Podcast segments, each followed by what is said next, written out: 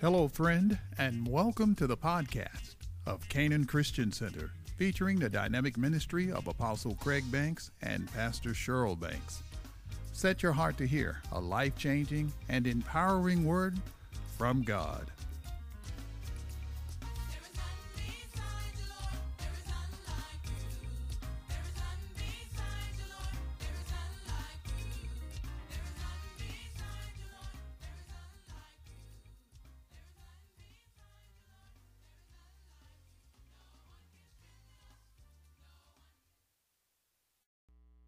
15. It says, The rich man's wealth is his strong city. The destruction of the poor is their poverty or their poverty mindset. Amen. And I want you to understand something that when you hear a word like this, uh, do not take a heavy in any area of your life because the Lord has to expose things so that uh, we will know uh, what's been operating in our life because sometimes we are fighting symptoms and we need to get to the root of a thing. And the Spirit of God will always show us what's at the root or what's really behind a thing so that we can deal with that.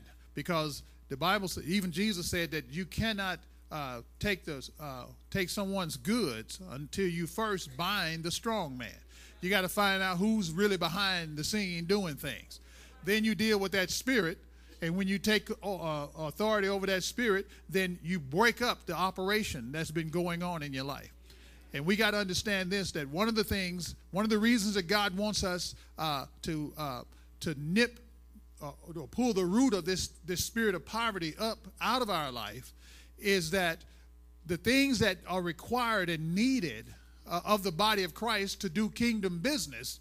Remember, Jesus said, uh, Greater works than these shall you do because I go to my Father. Uh, he said, The works that I do, you'll do, and even greater. Well, the, the greater works, you know, that brings us into building schools, fulfilling the vision that God has given. Well, you've got to have substance to do what God has said do. And so if if there's a bunch of people who are controlled by a spirit of poverty, then all we have is wishful thinking and a hoping and a praying and waiting for somebody else who has gotten out of the grips of poverty to come along and fund what God has instructed you to fund. Amen. So, this breaking free from the spirit, the grips of poverty, and exposing this stuff, it is not just so everybody can sit around and, uh, and gather a bunch of stuff and be rich to themselves. Uh, the person in the Bible that did that uh, God called them a fool and said, Your soul is required of you this night because all they were about was covetousness and, and the acquisition of things. And life is more than the acquisition of things. God says in His Word that He gives us all things richly to enjoy. They are for your enjoyment, but you don't be in love with the stuff. And you don't let that stuff control you. Amen. So the rich man's wealth is a strong city. The destruction of the poor is their poverty or their poverty mindset. And poverty will work on your mind. Amen. And your mind is not your brain. I don't I hate to have to go through this, but your mind is not your brain. It has everything to do with your deep-seated beliefs and value system. There's a system at work in every person's life, and it's your values and your belief system. And that's been established over the years, and one of the ways it got established is by those that you deem to be credible authority figures. And so when they have told you certain things, you believe that and you receive that, and that became part of the system of operation in your life. Well, everybody has to take their system of operation, their beliefs and value system, and put it up against the Word of God. And the Word of God is the final say.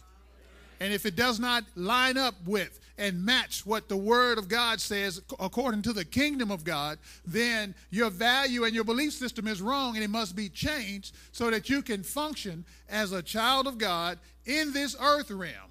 Amen. And that means you're walking in victory. Everybody say victory. And if you're walking in victory, then poverty doesn't have a, a hold on you. Glory to God. Uh, I mentioned this before, and I want you to get this that demons, I've discovered, or the Spirit of God has revealed to me, demons travel in groups. And they operate in groups to establish strongholds so that when it looks like you're about to break out of one area, there's another layer. But it doesn't matter how many they, they, they, they group up to be. Jesus has defeated them. And you better know that you are righteous. You're not trying to be righteous. You're born again. You're already a righteous person because we are the righteousness of God in Christ Jesus. There is no devil that can stand before you.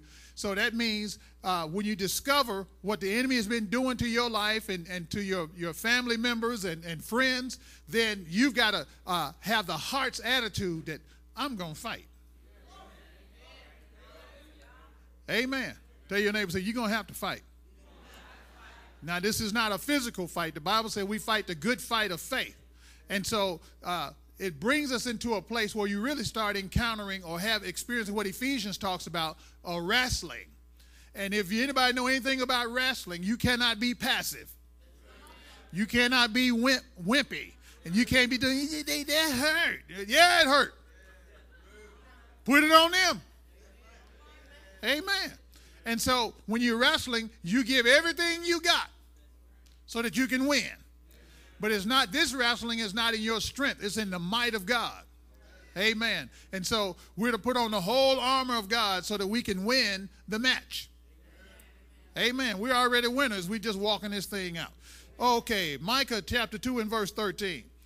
Micah says, uh, uh, the one who breaks open will come up before them. They will break out, pass through the gate, and go out by it. Their king will pass before them with the Lord at their head. Micah 2 and verse 13. Here's what it says in the Message Bible. This is the part I really like.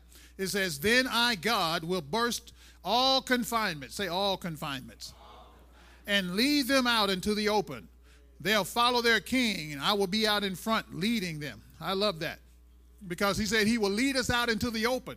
And the open place is the place that you have never been, but your heart's been crying out for. He said he'll lead you. Excuse me. He will lead you out into the open. He's going to lead you into this open place. When you're in an open place, that means now you got room to operate. So that means before we were in confinement, and much of the confinement has been like being between a rock and a hard place. Anybody ever heard of that before? Being between a rock and a hard place. It looked like nothing is working and so forth and so on. Well, you cannot sit back and just wait, uh, just hoping everything, well, you know, one of these days, one of these mornings, in the sweet by and by, God's going to do this and God's going to do that because, see, God knows. He knows my situation. And so God wants me out. He's going to do this and that. I want you to know God knows your situation. He does want you out. And He has already provided everything you need. You're already free. You got to come walking out. You got to find out where Jesus is and walk out behind him. Amen. And there is nothing, no devil that can stop Jesus. We are the body of Christ, we are his church. And Jesus said that the gates of hell cannot prevail against the church. So hell cannot prevail against you. They'll come at you, but you got to know you can't prevail over me. Amen. So when the bell, when the buzzer sound and when they click, hit the bell for the, the end of the match, they'll say, that went to Banks. Banks won that match. Amen. And then Banks won the fight. And you get the prize. Amen.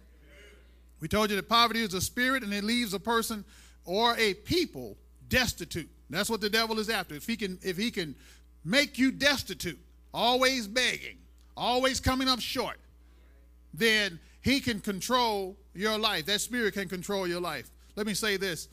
Whenever a society, y'all might want to keep this in your thinking. Whenever a society attempts to dismiss Almighty God as its base for its moral values, then all hell breaks loose on that society.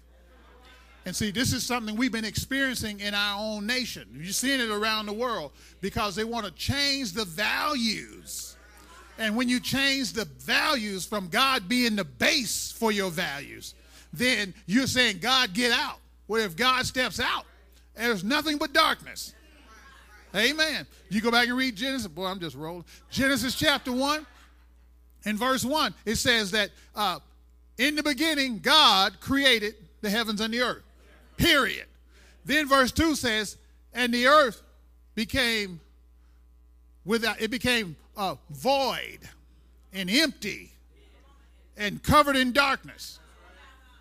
Well, something happened between verse 1 and verse 2 to make it go from being a beautiful creation to something that's that's in darkness and chaotic. And that is, you know, later on it says that, and God said, Let there be light. So God steps off the scene. And whenever God removes himself or he's out, there's God is light. So if light leaves, there's nothing but darkness. So if we want God out, then we're saying we don't want light as the basis. We don't want God as the base for our found, our moral foundation. Our morals are, are built on what God has established, on who He is. And so when we want that out, then darkness prevails. Well, guess what? You're the light. Jesus said, You are the light of the world. So we're the ones who should be impacting every area. But the churches, oh, Lord.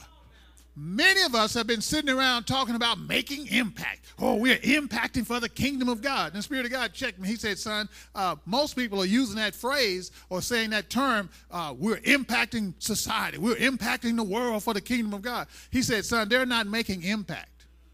He said, they're making contact. But contact is not impact. Impact moves a thing. Amen.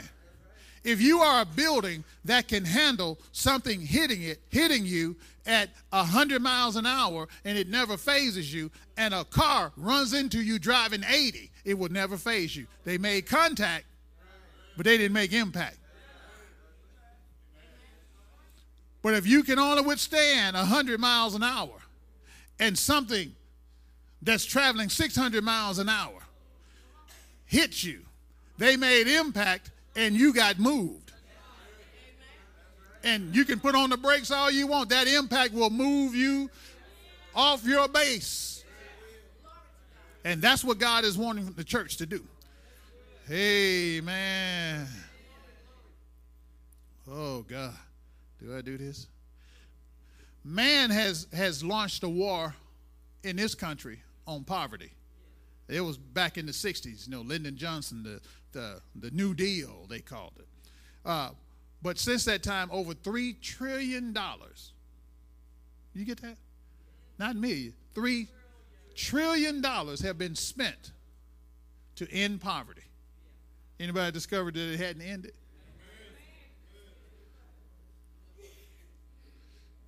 Hmm. Because of that, over 125 social agencies have been, been created, employing uh, three out of every 100 Americans. Yet, one out of three, one out of four uh, children in America live in poverty.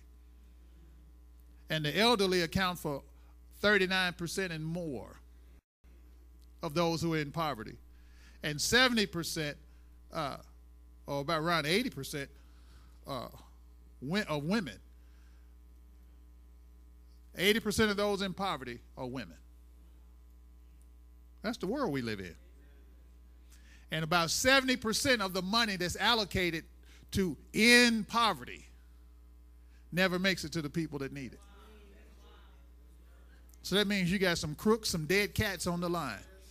And so what God that means, see, there's there's something in the heart that that's wrong. And God is trying to get his people to understand this is real. And we can't say, well, you know, I, I, I ain't on me. Well, I'm not on welfare, so I'm doing good. Wait a minute. Think about it. Most people are about a paycheck or two away from being on the street. Hardly anybody can stand to lose two, three paychecks. Well, you know, it's going to eat into my savings. Then your savings are gone. This stuff is real. So look at somebody say, You got to make up your mind that you want to do battle against this spirit. To break the system of the spirit of poverty, you got to trust God's kingdom system and not man's system. Man's system is backed by the kingdom of darkness. That's why you got the corruption going on. Good intentions. See, there's been a whole lot of people who have, you know, they have a heart to, to change these things. But just having a heart to change uh, uh, things in our society and, and, and the status that people, where their lives are, that's good. The Spirit of God gives you such a heart. But we can't just do it in our own strength. It must be done according to God's kingdom order.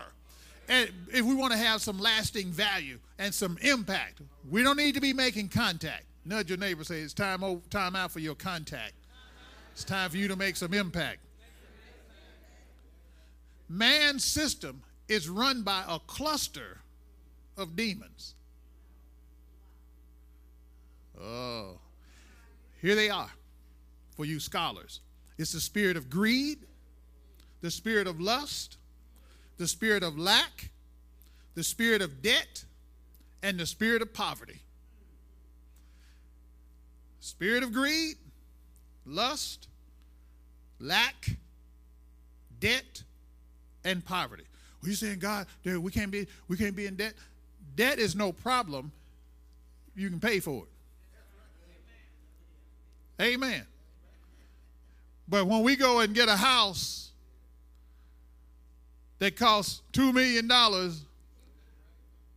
for $2 a, a, month, yeah, because they were doing folks like that. You know, get this big old house and you, and and, and then poof, the bubble burst and, uh, and folks start losing things. Well, you couldn't pay for that. Amen. Y'all know how it is.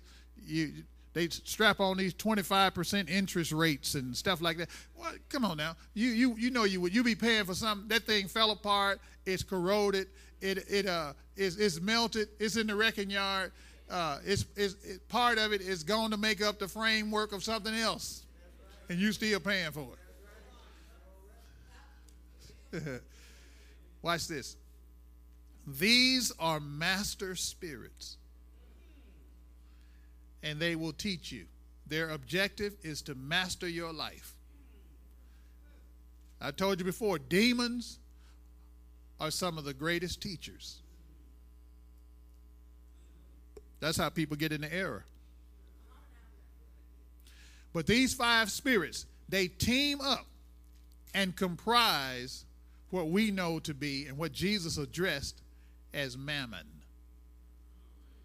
He said, You cannot serve both God and mammon or these cluster of demons.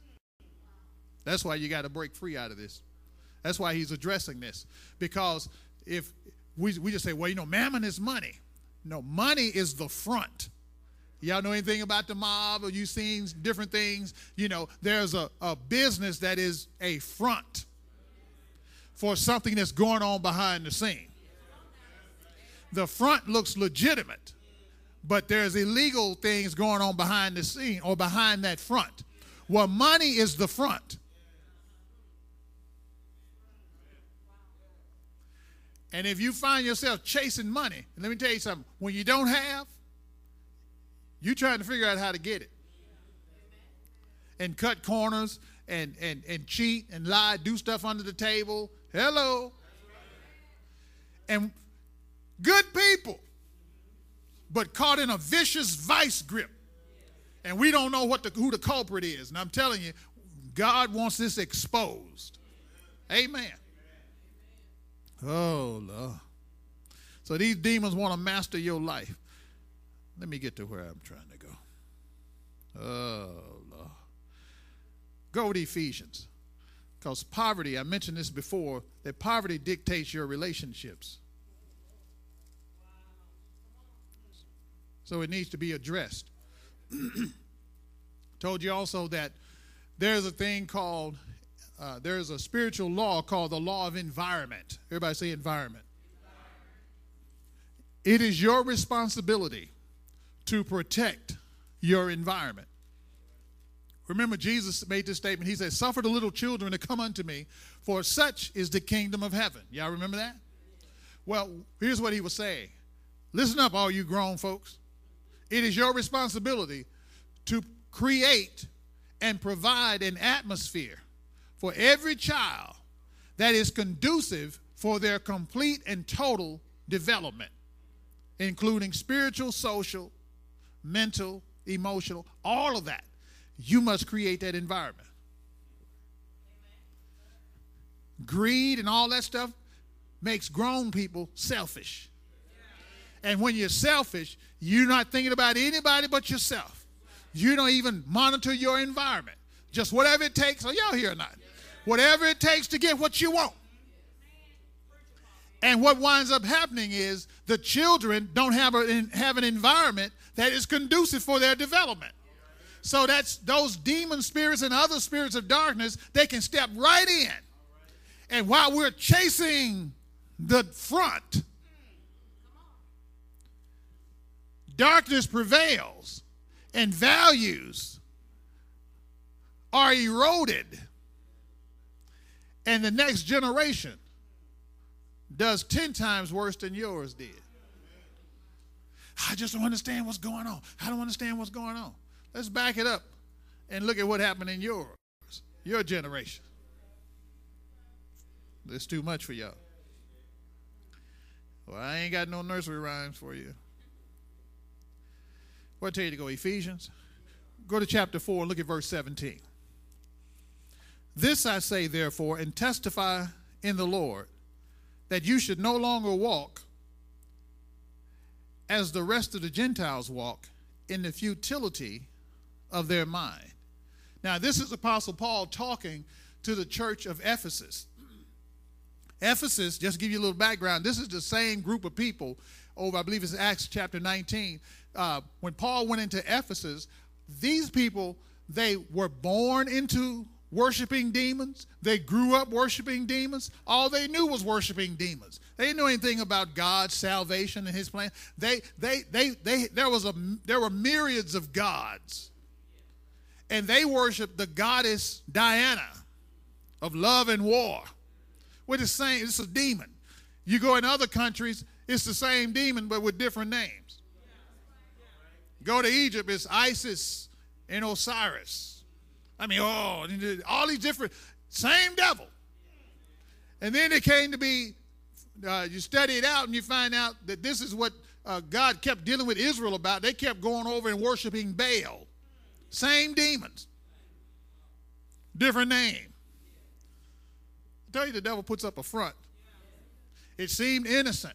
Well, they had when they when Paul came in and preached the gospel of Jesus Christ, the gospel of his grace, these people were getting saved, and they came in Acts chapter 19. These are the ones that brought their books of magical arts and, and uh, things like that. That was their livelihood. They brought them out in the public square and burned them.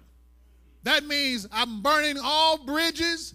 I am totally committed to Jesus Christ, the true and living God. And I turn my back on everything that I've ever known. This is the group. So the, a church is established there, the church of Ephesus.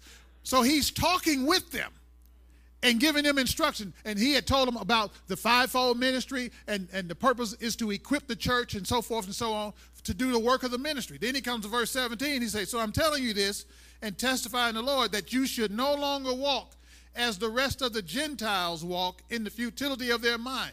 Why? Because now you're born again but you still got the old mindsets. And as you learn the Word of God and the ways of God, then you begin to discover this is how I'm to think. This is how I'm to act. This is how I'm to conduct myself. I must put my full trust and my full weight on God and His Word and believe Him. His values are my values. So that means they got to address the old values that have been operating in their life. And so He tells us that you cannot function you can no longer walk or live a life like the Gentiles, the rest of the Gentiles, or those who, who uh, uh, are non Jewish, the way they've been living. It says, in the futility of their mind. Whoa. Futility, watch this. There are five traits summed up in that word futility, and he lists them. Look at verse 18. Having their understanding darkened, this is a trait. Alienated from the life of God, ignorance of God's way, uh, blindness of heart means actually means hardness of heart. So, uh, and then it says, who being, verse 19, who being past feelings. Now, watch this. Here are the five traits of a worldly walk. And this is what the devil will always try to hold a person into because if he, if he can do that, then poverty now has a right. Because, see, we think if I don't have enough money, then that's poverty. No, you can have poverty thinking. You can, you can have stuff and still be poverty uh, uh, controlled by poverty. Does it make sense? So, there are five traits of a worldly walk that's summed up in the word futility, and the word futility actually means emptiness and purposelessness. You're just existing. No direction in life. Don't we see that today?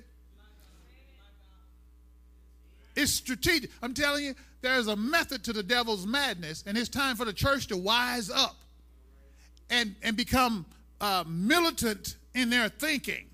When I say militant, I'm talking about what from the kingdom of God. Jesus did not tolerate the encroachment of the devil. And you cannot uh, allow poverty or any other demon spirit into your life and treat it like it's non threatening.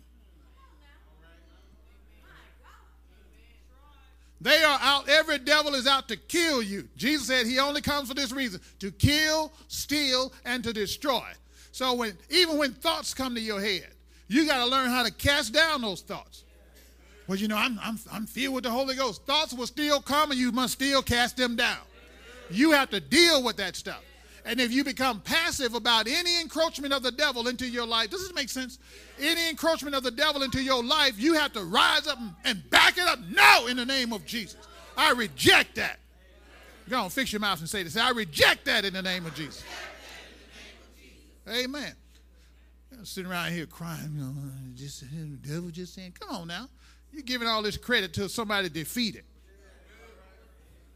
So the five traits. One, darkened understanding, ignorance of God's ways, a hardened heart, alienated from God, from the life of God. Now, He gave us His life. That doesn't make sense for the people of God to be alienated from the life of God. That means that His life is not dominating you. And then uh, verse 19 says being past feelings and that actually in the greek it actually means that you stopped or you ceased to care anymore and all of us have hit that spot where stuff happens and it's happened so much and so fast and so continuously that you just, I'm just tired your kids come and say mama no, don't, don't bother me with none of that stuff your spouse say something you got to trace the root, find out what is the root of that thing. Amen.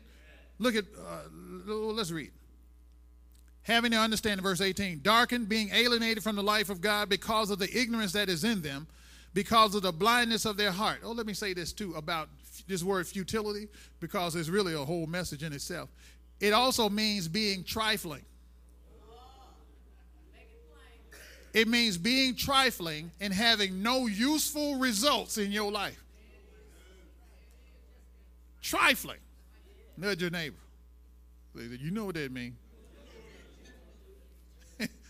People being trifling.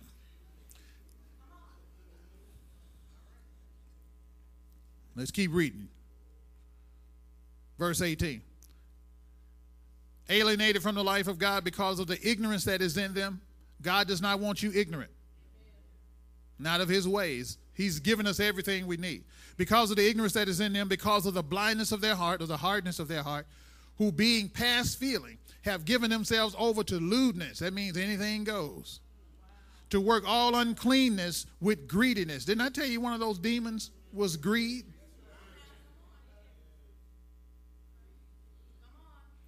Verse 20, but you have not so learned Christ, if indeed you have heard him and have been taught by him, as the truth is in Jesus. Look at verse 22. That you put off. Who does the putting off? Concerning your former conduct or your former lifestyle, the old man which grows corrupt according to the deceitful lusts. There that spirit is again. And be renewed in the spirit of your mind, and that you put on the new man which was created, not going to be, already exists according to God in true righteousness and holiness. So, what are you saying, preacher? As a born again believer, you are saved, okay? The spirit man, the, you're recreated, you're brand new, born of God, you have God's DNA in you. You possess a soul. and you live in this physical body. Your soul didn't get born again. Your soul, man, that, that part of you has to be renewed or reprogrammed with the Word of God. That's what your values and your belief system is. And so that old way of thinking, the old man has to be uh, uh, dismantled. The old mindsets have to be changed. And it's a process. And this is what, what we don't like. And the enemy will use the, the, the, the, the fact that we don't like a process. And he will exploit the fact that we don't like a process and try to push us to hurry up. We want things done. And when they're not done, just like that, now we're frustrated. And the frustration, all of you know, when you get frustrated, probably ain't good for other folks to be around you. Are y'all here or not? Yeah. So the enemy know if I can get them frustrated, they're going to say some things, do some things that's going to be a setback. And that's going to create more frustration. And then you come to the place where, shoot, just forget it. Ain't no point in even trying. I just, I just can't live right. And then you'll start looking at others that look like they are living right. They are conquering what you have failed to conquer. And then you huh, look at them. They all think they all that. You ain't all that. It's a death trap.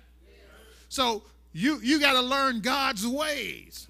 Amen. So the Bible says, Jesus said, you do not put new wine in old wineskins. Well, when it talks about in Ephesians talk about the new man, the old man, that's a contrast of lifestyle. And he said, you put off the old man. Put off the old lifestyle, wineskin, and put on the new. See, you, spirit man, is recreated. You're brand new, born of God. He said, You don't put him or you don't put the old wineskin on the new you. You put the new wineskin on the new you. Because the old wineskin can't handle the new you. So he says, put on this new lifestyle. The lifestyle of the kingdom of God does not include poverty, does not include lack, it does not include lust, it does not include greed, it does not include covetousness. So now he's dealing with lifestyle. That's why I say it'll affect your friends, it'll affect your relationships. Okay, go to Second Corinthians. Oh, Lord. Y'all getting anything? Second Corinthians chapter 6. Look at verse 11. O Corinthians, we have spoken openly to you. Our heart is wide open. You're not restricted by us, but you're restricted by your own affections. Uh oh. Your problems is, is, is, is because of what you crave, but you blaming us. Now, in, in return for the same, I speak as to children, you also be open. Do not be unequally yoked together with unbelievers. For what fellowship has righteousness with lawlessness? Relationships. And what communion has light with darkness? What accord has Christ with Belial? Belial means worthless. Or what part has a believer with an unbeliever? And what agreement has the temple of God with idols? For you are the temple of the living God. As God has said, I will dwell in them and walk among them. I will be their God, and they shall be my people. Verse 17, therefore, what? And what? Stop right there. I just told you earlier, it's your responsibility to protect your environment. He says, Come out from among them and be separate. Okay? Back up to chapter 15 of 1 Corinthians. And we'll have to end it here. Look at verse 33. 1533. Do not be deceived. So that means that the potential to be deceived is there. That means that there is there is an enemy whose agenda is to deceive you in any way possible to get you into a place because it's always a death trap. If the enemy can deceive you into thinking that where you are is okay with God, then you'll camp out there. and he will exploit what's in the in the old nature or old way of thinking of, of every person, most people, and that is come to a place, you, we rush to get to a place so we can camp out. We want a plateau. But with God, He's taken us into our destiny. And just like the children of Israel, He didn't let them just sit there when they were coming through the wilderness. Soon as they get their, everything unpacked and get their tent set up and all that kind of thing, then the cloud would move. They had to hurry up, pack it up, and leave. It wasn't, it wasn't always convenient for them. And Spirit of God didn't say, oh, You tired, baby? Well, we just gonna wait. The only time I recall from reading, reading that account uh, that they waited was when Miriam bucked up against Moses, her and, her and Aaron. And leprosy came upon her, and God said, Set her behind outside the camp for seven days, let her think about it. And the whole camp had to wait for seven days till she got her act together. Otherwise, he was moving. Look at somebody and say, God's on the move. See, it's us that's dragging our feet. It's us that, that wants to untie. You ain't no fighter. Talking about I'm tired. Major Dixon, they don't ask you in the military how you feel, do they? Get the job done. Well, I didn't get but three hours of sleep. Thank God for that. Every time I turn around, they tell me you want us to do this and that. You ain't no soldier. Look at somebody. Come on, look at look at him. Say, I ain't no punk. And that messed y'all up, didn't it? yeah, around here crying. So look at this. Let's end this. Verse 33 Do not be deceived. Evil company corrupts good habits. And the next verse gives the remedy for that. Awake to righteousness. When you become righteousness conscious, then you begin to investigate your environment and your surroundings. And who are these people in my life? Are they adding to my life or taking away? Are they multiplying my life or they subtract or they dividing my life? Who, who are these people? Come on, I say, who are these folks around me? Got all these people in your life. They ain't doing nothing but holding you up. And God's saying, investigate your environment. Investigate it. Investigate your environment. Because if you ain't going nowhere, I promise you, it ain't God's fault. You got the wrong folks in your life. And you got the wrong lifestyles going on. You've subjected yourself to the strategy of the enemy because it, it, the Bible says a little sleep, a little folding of the hands, and your poverty will come upon you. And God wants us out. Amen. Because to build what God wants built, you got to have some substance. And you can't, God didn't want you showing up in heaven. And then he says, Why didn't you build what I wanted built? I wanted schools built. I wanted hospitals built. I wanted homes built. I wanted this done. I wanted cities revitalized. I wanted businesses started. Why didn't you do it? Come on now. And then he'll show you all that he had allocated for you. The devil had it and he stood there in front of you, licking your ice cream cone that he bought with your money, and you can't have none. I got your ice cream, and you can't have none. And we cry. It's time to fight. That's why God is exposing this stuff. Amen. Give the Lord a hand of praise. Hallelujah. Glory.